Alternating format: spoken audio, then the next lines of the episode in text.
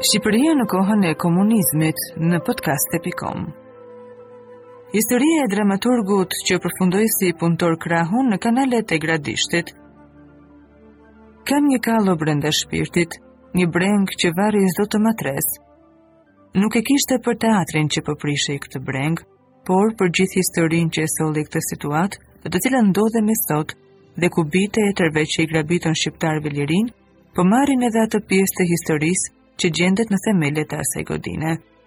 Në atë skenë kanë shkelur me qindra artistë e dramaturgë, por historia e Xhemal Brojës është ndër më të veçantat, sepse ai e themeloi këtë teatër dhe e drejtoi atë për disa kohë. Janë vënë në atë skenë me dhjetra drama të suksesshme që ka shkruar, më tej akoma si pedagog, ka përgatitur dhjetra aktorë që do të vazhdonin të luanin në atë skenë për 70 vjet.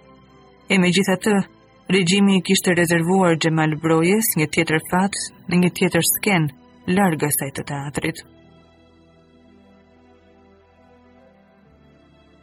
Me çizmet deri në gju, i veshur me disa rrecka e me kazmë në duar, një burrë i moshuar endej kanaleve të Gradishtit, e zvarritej atyre fushave me shpirt ndër dhëmbë.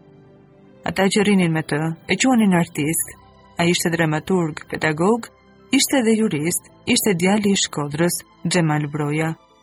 që vinte nga auditoret e universitetit në Grenoble të Francës, ku kishte studiuar për drejtësi e ku kishte ndjekur edhe kursin e letërsisë dhe dramaturgjisë. Kishte qenë komunist i orëve të para, bashkë me grupin e të rinjve të Shkodrës, sepse ishte idealist dhe e kishte përfshirë vala e lëvizjes kundër pushtimit të Shqipërisë. Por kurrë s'e kishte menduar se do të ishte pikërisht kjo lëvizje e disa njerëz që do merrnin në dorë ata që do t'ja nxinin gjithë jetën. Dhe në fakt pati një jetë pa dritë, e shkoi internimeve, duke nisur nga Kuçi i Vlorës, Gusmari i Tepelenës e për të vazhduar në Gradishtë të Lushnjes. Atje ku ishte dënuar me internim e gjithë shtresa e intelektualëve të Shqipërisë bashkë me familjet e tyre. Xhemal Broja dhe bashkëshortja e tij Selfixhe Ciu Broja, e cila ishte gazetare e spikatur, u sulmuan fillimisht në vitin 1947, kur ata guxuan të vënë në dukje problemet e regjimit komunist dhe sidomos qëndrimet mbi Kosovën. Çifti Broja u përjashtua nga partia dhe u dënua me internim në Kuç të Vlorës. Pas prishjes me Jugosllavinë, regjimi e zbuti pak dënimin për Xhemal Brojën, por sulmet do të riktheheshin për të mos u ndalur kurrë. Periudha më e vështirë do të ishte ajo nëpër kanalet e Gradishtit, ku Xhemali dhe Selfixhe Broja po vuanin internimin. Ka qenë një natë e tmerrshme, nuk dinim asgjë. Ndodhi rreth orës 4 të mëngjesit, pak para vitit të ri. Atë natë, kishim diskutuar se ku do ta festonim vitin e ri.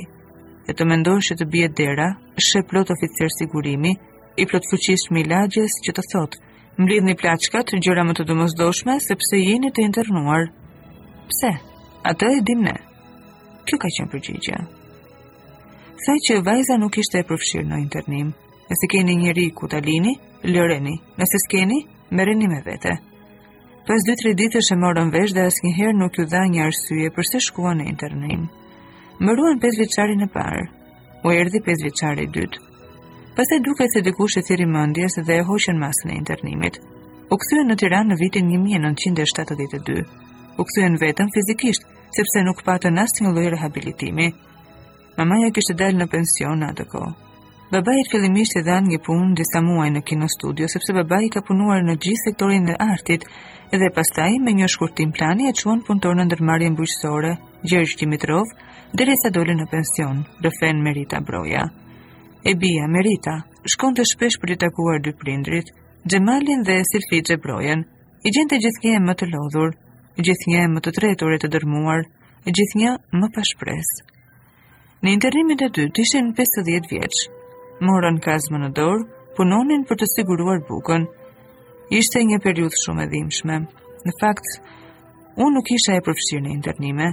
Atëherë isha 15 vjeçe, kur mendoja që ata dy intelektualë në vend që të punonin, të jepnin për shoqërinë, për vendin, për kulturën, për artin, kishin marrë një kazmë në dorë dhe jeta e tyre kishte dalë nga hullia në të cilën duhej të ishte.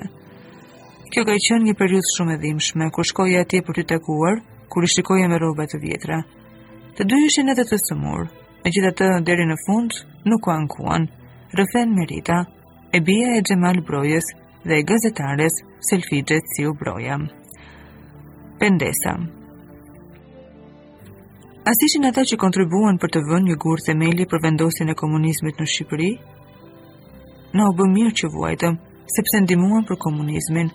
Mësohet të ketë thënë Selfixhe Ciu. Ky ishte pengu që e morën me vete. E ka rrëfyer e bija, Merita, pendesën e nënës së saj.